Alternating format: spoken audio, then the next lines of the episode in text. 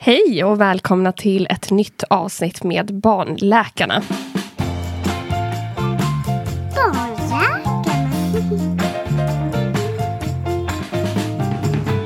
Idag poddar jag Mia och Mata och vi spelar in detta avsnitt en krispig dag i oktober månad. Och jag måste säga att det har varit en kall men otroligt vacker höst hittills. Jag har varit ute och randat mig på något som heter Lilla Erstagården som är ett barnhospice i Stockholm. Det vill säga en palliativ vårdenhet för barn i behov av vård i livets slutskede.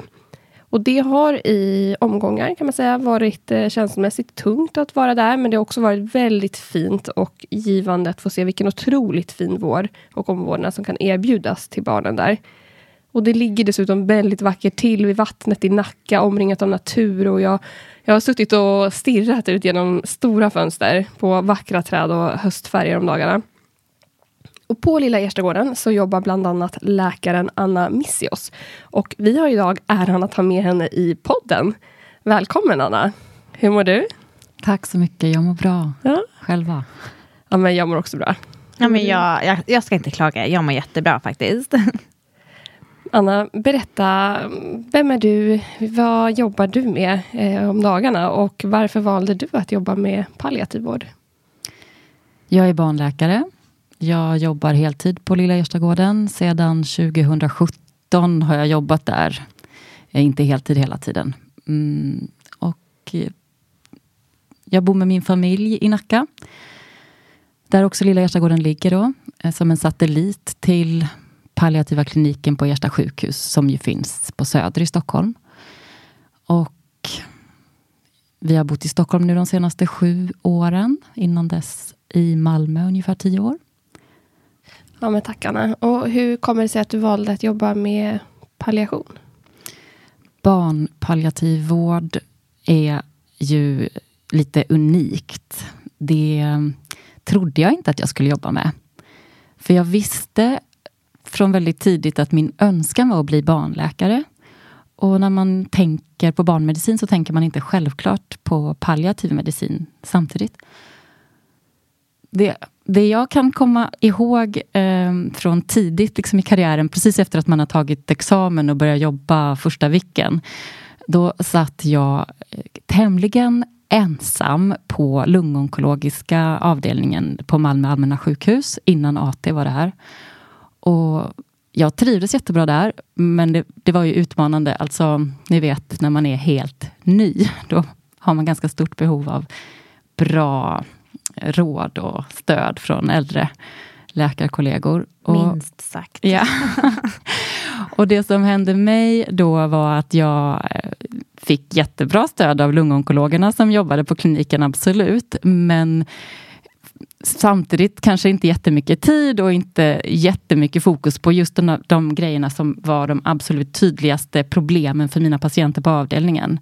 Som ju handlade om, eh, om helt enkelt palliativa insatser. Det fattade jag kanske inte så tydligt då, men det växte på mig. Deras problem med smärtor och rörelsebegränsningar, sväljsvårigheter. Så att jag hade jättemycket telefonkontakt med vuxenläkarna på eh, hospice i Malmö då. Mm. Och det väckte något i mig. Då tänkte jag, shit, det här hade jag velat jobba. Det, en sån, en läkare så som dem, det hade jag velat bli. Och sen släppte jag den tanken i och med det att jag ändå valde vägen att göra ST i barnmedicin. Så det var lite av en, en förundrans försyn när jag väl flyttade till Stockholm sen och insåg ganska plötsligt att här finns det en högspecialiserad barnpalliativ medicinsk enhet. Jag visste inte att Lilla Erstagården fanns innan jag flyttade till Nacka. Mm. Men när jag fick ögonen för den och jag samtidigt också såg att de sökte en tjänst, de ville ha en barnläkare till teamet där, så tog jag den chansen. Och det, det var så häftigt att förstå att jag kunde liksom e förena de här två idéerna som ändå på något sätt jag hade burit ganska många år då. Mm. Barnmedicin och palliativ medicin. Och varför? Alltså för att det som händer, det jag upplever när man jobbar med palliativ medicin det är att man får vara väldigt mycket hands-on, nästan som old school doktor, jobba med det man har precis framför sig och göra tydlig skillnad för patienten i ett nära perspektiv. Och det är väldigt tillfredsställande att, att med de allra svårast drabbade göra skillnad. Så det är väl det. Mm. Du låter så entusiastisk när du pratar och det är nästan lite som att det var ödet att du skulle flytta till Nacka mm. och så skulle Ersta ligga, lilla Ersta ligga där och så skulle du börja jobba där. jag är jätteglad att jag hittade Lilla mm. Erstagården mm. och jag Ja, jag trivs oerhört bra med mitt arbete och jag tycker det är fantastiskt. Den vården vi erbjuder på Lilla Erstagården är en vård som jag är väldigt stolt över och som jag känner att jag vill att, få, att många ska känna till. Och Jag skulle vilja säga att, att palliativ medicin är ett eget liksom, specialistområde. Sedan 2015 så finns det ju som en särskild tilläggsspecialitet för vuxna. Så att det är ett fält som utvecklas och också sedan den nya ST-planen för barnläkare som ju inte var aktuell när jag läste eller liksom utbildade mig till barnläkare. Men, men nu för tiden så vet jag ju att palliativ medicin för barn också är en, en obligatorisk del av utbildningen. Så vad som händer nu är att jag, men, jag kan se en, en utveckling där palliativ medicin får ta större plats. Och, ja, vad vill jag komma med det? Att um, det finns ett arbete mm. här att utveckla vården och integrera den mer också i barnmedicin. Ja, men jag håller med. Jag tror att gör man inte det, då kommer det bli två helt olika världar. Antingen så jobbar man med de akut sjuka barnen eller ganska friska barn, alternativt med palliation och att man inte är insatt i varandras arbeten. Och snarare kanske de som då jobbar med de akut sjuka barnen eller friska barnen inte är lika insatta i vad sker i palliationen för de här barnen som faktiskt eh, behöver palliativ vård. Ja, och jag skulle säga att framtiden, så som jag ser det, precis som du säger, kommer att eh, visa att en integration är nödvändig. För att palliativ vård för barn, också för vuxna, men ännu tydligare för barn, är någonting som löper parallellt med botande insatser eller åtgärder där man har till syfte att nå kur på något sätt. Men man kan aldrig i förväg helt säkert veta om man behöver ha en, en förberedelse och en förförståelse för en planering för hur man ska hantera eventuella ytterligare svårigheter. Om det inte går precis som man önskar, och hopp, önskar och hoppas. Och också de barnen med, med, väldigt komplexa vårdbehov, de är ju betydligt skörare än grundfriska barn och de behöver ha en mer individualiserad, liksom anpassad vård. Och där är den palliativa vården eller palliativa medicinen viktig för att göra de anpassningarna utefter barnens situation. Mm. Man måste säga, jag instämmer i det där, det där du sa lite i början, att det kändes som att någonting saknades när du var, på, när du var underläkare där mm. under din första tid. För att jag kände också lite det, att när jag, jag som jag är mitt i min utbildning till att bli barnläkare, jag gör min ST nu. Det kändes som ett privilegium att jag fick randa mig. Och randa betyder då att vi gör en del av vår eh, ST då på just Lilla Erstagården. Och att det kändes lite som att det var en pusselbit som hade saknats, som bara på något sätt hittade sin plats. När jag insåg att okej, okay, det gäller också att skifta fokus från att bota och behandla till att lindra och vårda. Och bara se till så att det blir så bra som möjligt. Inte bara i slutet, utan även under en pågående svår sjukdom. Så det var väldigt fint tycker jag, det, att du sa att, du, att det kändes som att det var så. Sen så hittade du det här. Mm. Jag skulle vilja kommentera på det. I introt till vad vi är, mm. så, så beskrev du oss eh, och använde ordet hospice. Och det vill jag förtydliga att Lilla Erstagården är ju en högspecialiserad barnpalliativ enhet. Och jag tror att det kan skrämma bort lite om, om det kallas för hospice. För hospice är så tydligt associerat med död. Mm. Att jobba med palliativ vård är ju, kräver ju att man accepterar döden som en del i livet. Men det är minst lika viktigt, känner jag, att vi välkomnar patienter till oss snarare än skrämmer bort dem. Och de absolut flesta patienterna som jag träffar, de träffar jag under en kort tid. Sen skrivs de tillbaka ut till hemmet eller någon gång tillbaka till sjukhuset för att sen gå hem igen. Sen träffar jag dem igen. Alltså, jag jobbar ju i väldigt liten utsträckning ändå med den, det som man kan benämna som sen palliativ vård i livets slut. Och väldigt få av de barn som jag möter i mitt dagliga arbete dör. De flesta träffar jag och ser till att vi anpassar vårdinsatser och, och, behandlingar så att de får ett ökat välbefinnande, en bättre livskvalitet. Och, det, och då tänker jag att eh, vi ska förtydliga just det här med men precis det, det jag sa om barnhospital, att man tänker att det bara är senpalliativ vård. Och det är verkligen en, bara en liten del av det ni gör. Så vad är palliativ vård egentligen?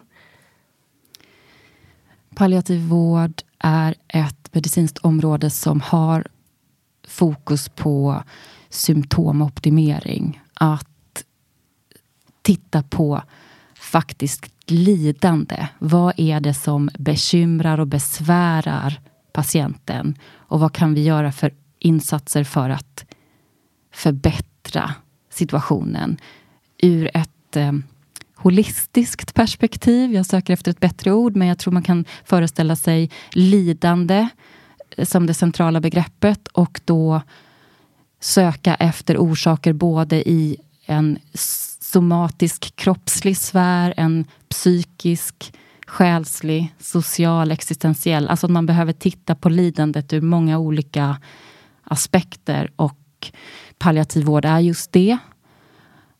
Att jobba i team, väldigt tydligt använda många olika professioner tillsammans med närstående och patienten själv naturligtvis. För att nå då minskat lidande, ökad livskvalitet. Mm. Mm. Och eh, vilka barn är det som får komma till er då?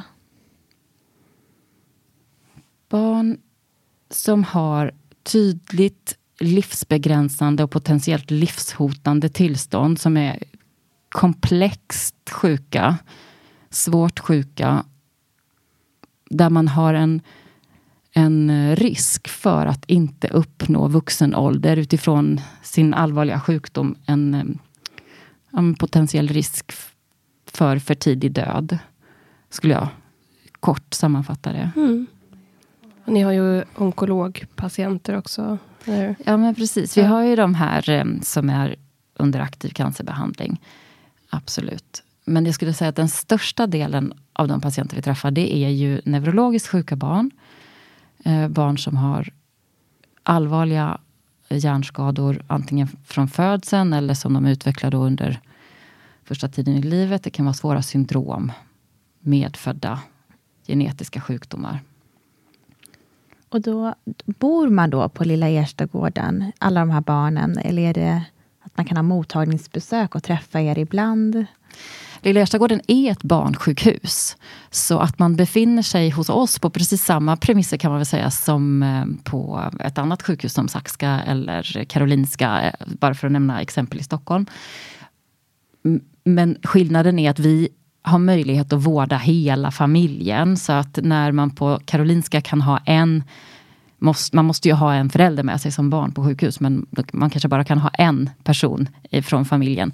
Så har vi ett helt annat ehm, utrymme att ta emot anhöriga och vi vill gärna ha båda föräldrarna hos oss om det går och gärna syskonen också.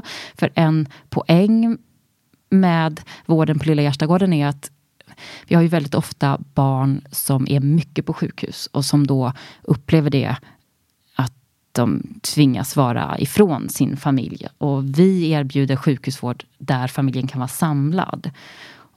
Och vi vill också ge vård till föräldrarna i den bemärkelsen att vi vet att föräldern är ju den absolut viktigaste personen i patienten, alltså barnets liv. Så är föräldrarnas batterier, deras energinivåer helt uttömda så, så går ju det också ut över barnets situation. Så om vi har möjlighet att stötta föräldrarna och ge dem en chans till återhämtning, att få vi, vila på dagen, sova på natten, så är det en del också av den vård vi erbjuder hos oss. Och likaså att lek är en sån central del i ett barns liv. Så lek på barnets premisser i den utsträckning det går när man är patient hos oss, men också stöd till lek för syskonen och tillsammans med föräldrarna. Vi har ju en specialpedagog, eh, sys, eh, vad heter det? lekterapeut och vi har syskonstödjare som jobbar hos oss. Så att vi vill sätta särskilt fokus på leken. Mm. Och ni har otroligt fina lokaler för det också. Jag fick ju gå runt och se alla de här lokalerna. Det finns ett sinnesrum och ett terapi, lekterapirum. Och, ja, ni har väldigt mycket att erbjuda när det kommer till just lekterapi. Mm. Mm. Och det låter ju helt fantastiskt. Jag har inte varit där och eh, inte förstått att det är... Eller jag har förstått att det är hela familjen som inkluderas, men inte på den här nivån. Och att ni har ja, föräldrarna och syskonen i beaktande när ni vårdar er patient. Ja, fint. Och så nämnde du lite det här med att leken är en central del av ert arbete. Men kan du inte nämna lite, vad kan man göra där? Jag vet till exempel att det finns clowner på plats, men eh, berätta mer. Jag är kanske inte den person som är bäst för att, formulera just vad vi gör runt leken. Som sagt, vi har ju de som har det som sitt särskilda specialistområde. Ehm, vi har clowner hos oss på samma sätt skulle jag säga som man har kanske på andra sjukhus. Då, att eh, clowner kommer på besök vissa dagar i veckan. Ehm, och de är väldigt uppskattade förstås. Eh, vi har också en vårdhund som kommer på besök. Ehm, som inte tillhör Lilla Gärstagården vill jag understryka, men som vi har som ehm, konsulter då, som kommer till oss det, det vi har att erbjuda det är ju den här miljön och vi har en jätteerfaren, trygg personalstab som vet vikten av lek och aktivitet för att bara vara i nuet och i livet här och nu. Alltså det är ju det som är fokuset i palliativ vård. Och utöver då syskonstödjarna, utöver lekterapeuten så har vi undersköterskor och sjuksköterskor som på, alltså också har det här fokuset hela tiden närvarande. Så när man befinner sig i på Lilla Erstagården då för vård hos oss så, och är i våra miljöer så eh, får man ju stöd av all personal liksom att eh, göra det som man trivs med. Det kan ju vara att baka. Det bakas väldigt mycket hos oss. Eller om man inte riktigt orkar baka, att man bara dekorerar det som någon annan har bakat. Mm. Um, du frågar vad man gör mer specifikt. Alltså, Musikterapi har ni väl också? Det har vi också ja. på samma sätt. Där har vi ett besök av en musikterapeut någon gång i veckan. Det kommer ibland, eh, också en gång i veckan kommer det en eh, kille som har med sig VR-utrustning så att man kan eh, spela spel i mm. VR-miljö. Och ni har ju också en, eh, nu kanske inte det tillhör just aktiviteter, men jag tänker personalkategori. Visst har ni en diakon också? Ja, mm. en, Johanna Davrin heter diakonen som jobbar på Ersta. Och hon kommer till oss vid behov, eh, flera gånger i veckan. Och ganska fast så, en gång i veckan för samtalsstöd. Och, mm. Mm. och en kurator. Och, vi har en många, kurator. Många personalkategorier. Ja, precis. Vi har, då, vi har läkare förstås, vi har sjuksköterskor, undersköterskor. Vi har lekterapeut, syskonstöd, musikterapeut eh, utifrån. Liksom vårdhund och clowner.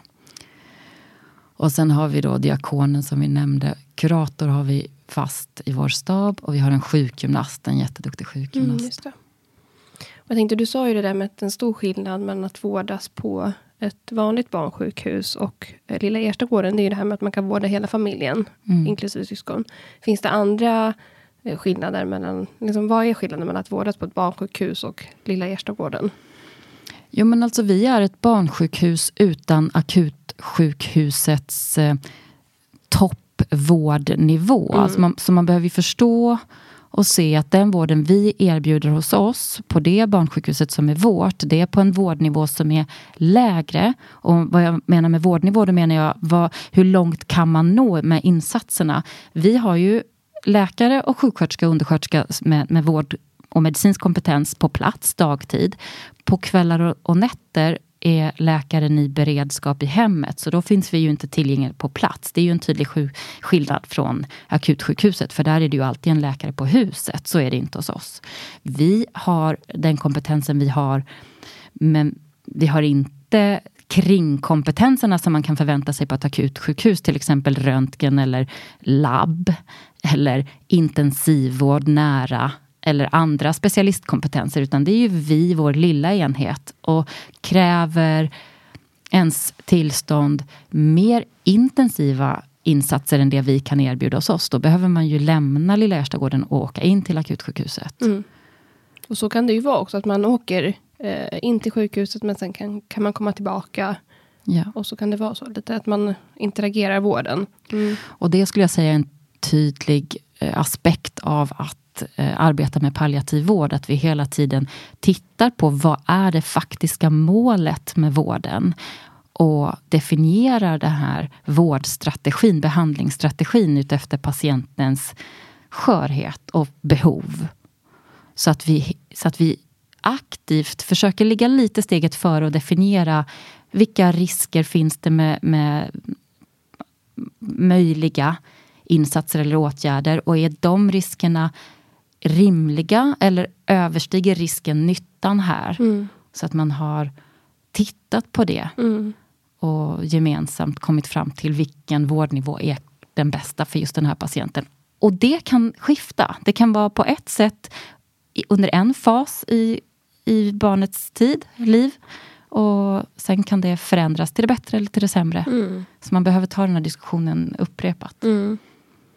Vad skulle du säga är den största skillnaden mellan palliativ vård av barn och palliativ vård av vuxna? Den största skillnaden är att det är onormalt att ett barn dör. Mm. Och det är det för att man förväntar sig att barn ska leva mm. och de befinner sig mitt i livet. Det, en annan, alltså, så uppenbara skillnader att det är onormalt att ett barn dör och det är ovanligt att barn dör. Så att palliativ vård för barn handlar ju om att träffa en, en betydligt mindre patientpopulation. Palliativ vård för vuxna är jätte, jättestor. Så att där är en tydlig skillnad att den, den vuxenvården som riktar sig till, nej förlåt, alltså palliativ vård för vuxna, de behöver vara lite mer restriktiva och kanske sålla bättre för det är en så stor grupp patienter. Eh, Palliativ vård av barn, det är ju annorlunda jämfört med vuxna. För vi behöver ta hänsyn till just det här barnet som, som utvecklas och förändras över tid utifrån var det befinner sig rent åldersmässigt. Mm. Jag tänker här samtidigt som jag svarar, men jag vet inte. Ja, men det är ju, det är ju den aspekten också, att barn växer. Och utvecklas väldigt snabbt ju yngre de är. Ja. Mm. Och också det du nämner, det är onormalt att mm. Eh, barn går bort. Mm. mm. Finns det något eh, efterlevande stöd som ni erbjuder? Vi har ju kurator som sagt. Eh, och det är kuratorn i ja, det är kuratorn främst som eh, har ansvar för efterlevandestödet. Mm. Så vi har ett samtalsstöd då som pågår i 12 månader efter att ett barn har dött. Utifrån de behov man har. Mm. Eh, vid sidan av det så har vi syskonstödjare som jag har nämnt och eh, de tillsammans med kuratorn, lekterapeut eh, anordnar träffar för, bara för syskon, för hela familjer. Eh, med syftet då att eh, skapa mötesplatser familjer emellan eller mm. syskon emellan. Och det är ju också något som löper. Det kan löpa över mer än bara ett år efter, mm. utan det är längre tid. Mm.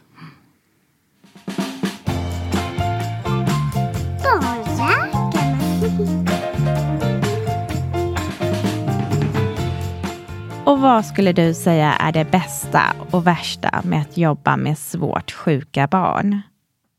På Lilla Gärstagården? Mm. Mm. Men det allra bästa det är ju det här att vi har tid att möta patienterna och familjerna. För det är en tydlig skillnad skulle jag säga jämfört med akutsjukvården. Jag har mycket mer tid för mitt jobb. Det är det bästa. Ehm, för det innebär att jag kan leverera vård av hög kvalitet. Det är klart att man kan göra det i akutsjukvården också, men ibland skulle jag säga att jag kände ett större tillkortakommande och mer frustration när jag har jobbat då eh, i Malmö och i Stockholm på akutsjukhus, än vad jag gör i mitt dagliga jobb på Lilla Erstagården.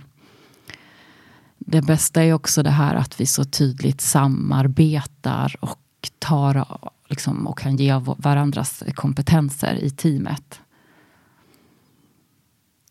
Men det värsta, det är kanske att man är lite mer ensam ändå. Eh, som läkare står man lite mer ensam av sides. Det försöker vi ju att motverka på alla sätt vi kan. Vi har ju jättetydligt samarbete med de behandlande läkare som också är involverade i patientens vård förstås.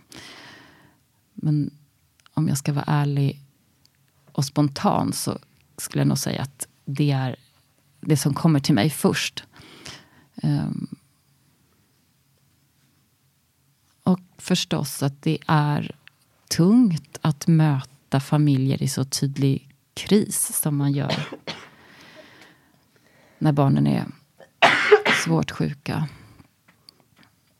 och dör. Mm, mm. Ja, verkligen.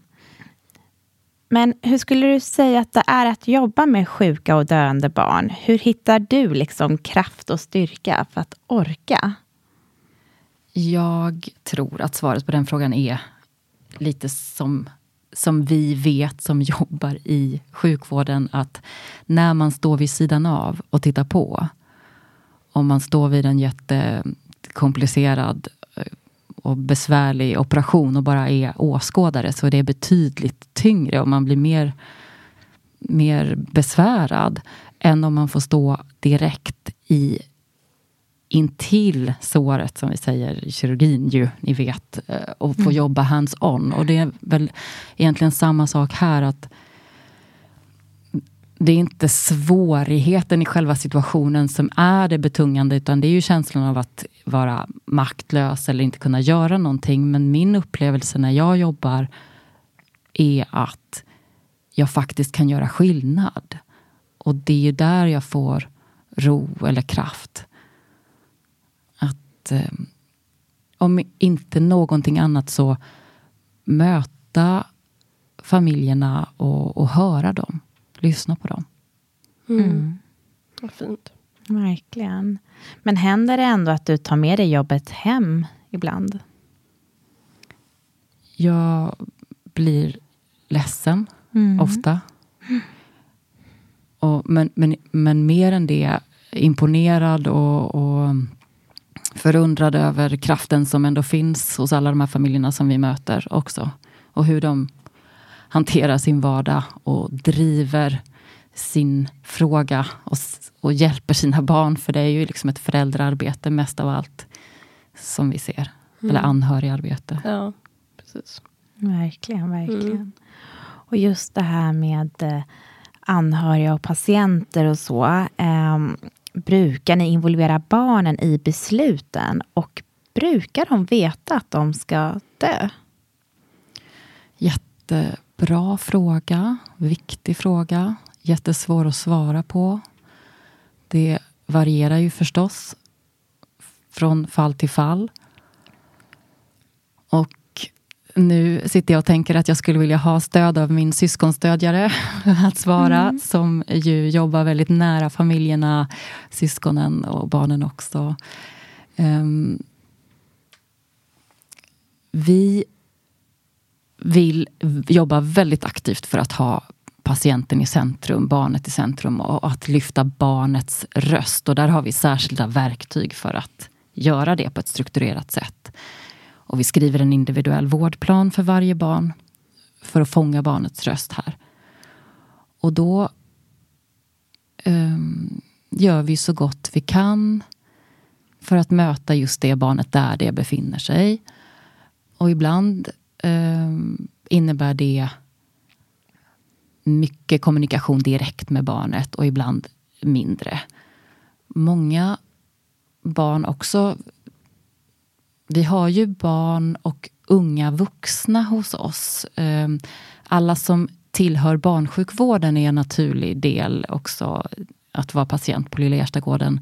Och befinner man sig i livets slut, eh, nära döden behöver avancerad palliativ vård så är man eh, enligt vårt avtal eh, självklart välkommen till oss upp till 25 års ålder. Så att vi tar emot patienter också från vuxenvården därför.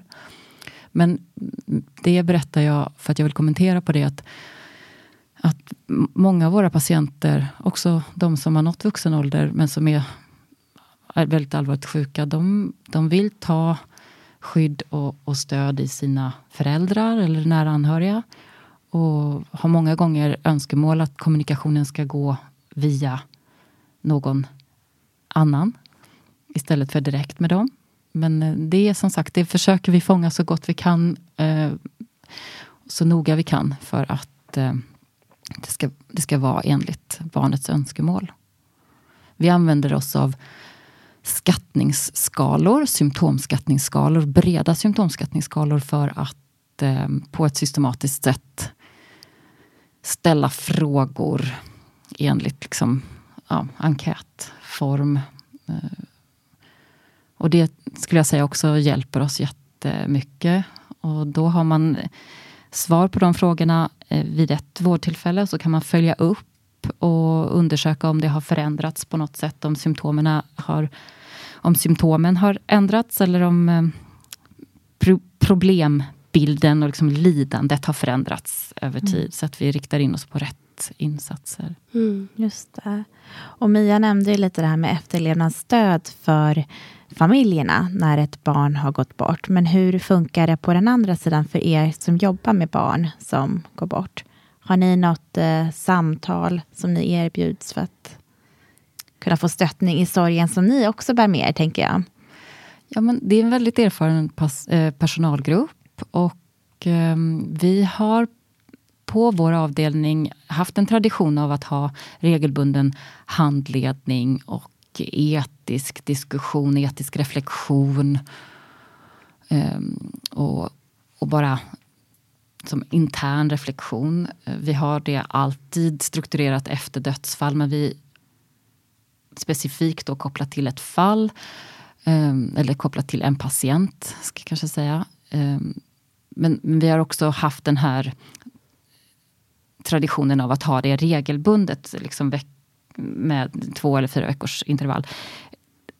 Det, tyvärr får jag väl säga att eh, coronapandemin förändrade ganska mycket av liksom inarbetade strukturer. I det att man inte fick ta in eh, besökare utifrån så var det ganska mycket som föll bort under en period. Och ja, den här tvåårsperioden när eh, pandemin var som mest förhärskande. Och efter det så har vi inte riktigt hittat tillbaka kanske till de, de formerna som vi hade innan. Mm. Men, all, men egentligen, vad är mitt svar? Att eh, vi hade väldigt bra struktur, vi har lite sämre struktur idag, men vi har ändå eh, en hyfsad vana att eh, samlas spontant och reflektera i, i personalgruppen. Och utöver det har vi också vår diakon som kommer och ställer aktivt frågan. Är det något särskilt ni vill reflektera runt de patientfall som vi har stött på senaste tiden? Så att vi, vi tar upp de där frågorna när det behövs. Mm. Mm. Bra. Jag kom på en eh, sista fråga, Hanna. Jag tänker, för de som inte vet vad ni gör på Lilla Gärstagården. Jag tänker rent medicinskt då, för vi har ju pratat väldigt mycket om det här med musikterapi, lekterapi, mm. samtal och sådär. Eh, men så nämnde du de här symptomskattningsskalorna. Mm.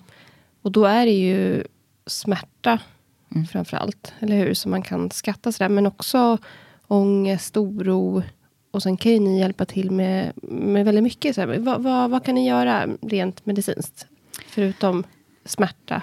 Ja, så läkarens roll förstås är ju att eh, styra läkemedelsbehandlingen eh, och vara samordnande i kontakten med övriga sjukvården.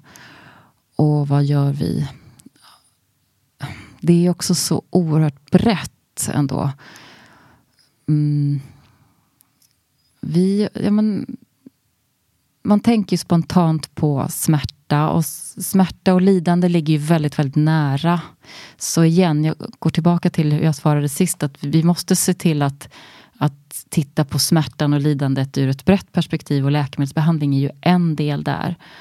Ehm, så vad frågar du efter Mia? Är det särskilda... Eh, liksom... jo, jag tänker rent här medicinskt. Eh, vi kan ju hjälpa till med smärta, men också ångest, oro med mediciner, men också andningshjälp, inhalationer.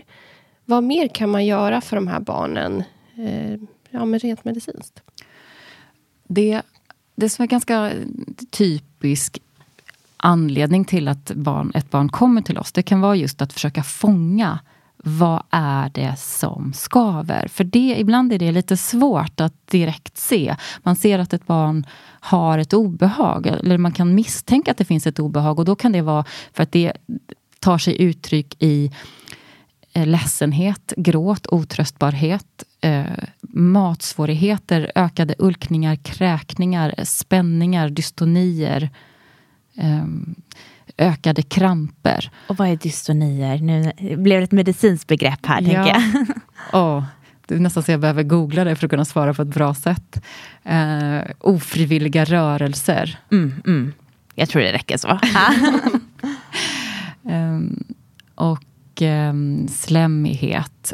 Alla de här symptomuttrycken kan vara lite dunkla till en början. Så då eh, är en anledning eller en orsak till att patienterna kommer till oss att vi ska kunna ha dem inneliggande för observation och göra en symptomscreening. Och parallellt med att vi gör symptomscreening så jobbar ju teamet då som, som är väldigt, väldigt erfarna barnsjuksköterskor och undersköterskor att titta på barnet, hur det reagerar under hela dygnets eh, lopp och då brukar vi kunna fånga en del saker. Att, att det där kanske vi kan justera lite. Och då kan det handla om att ändra matmängd, ändra matsort, ändra mathastighet, eh, justera dygnsvilan över dygnet, eh, flytta på medicintiderna, justera medicindoser, byta läkemedel. Alltså, vi gör små, små eh, ändringar. Så min upplevelse när jag jobbar, det är att jag, jag är väldigt mycket en allmän pediatriker och jag mm. hanterar väldigt mycket basala närmast banala problem som man gör ju i barnsjukvården. Också på barnakuten är det ja. ju rätt mycket sånt. Men att jag får lov att göra det nu till de absolut svårast sjuka. Mm. Det är liksom det jag gör mest mm. på jobbet. Mm.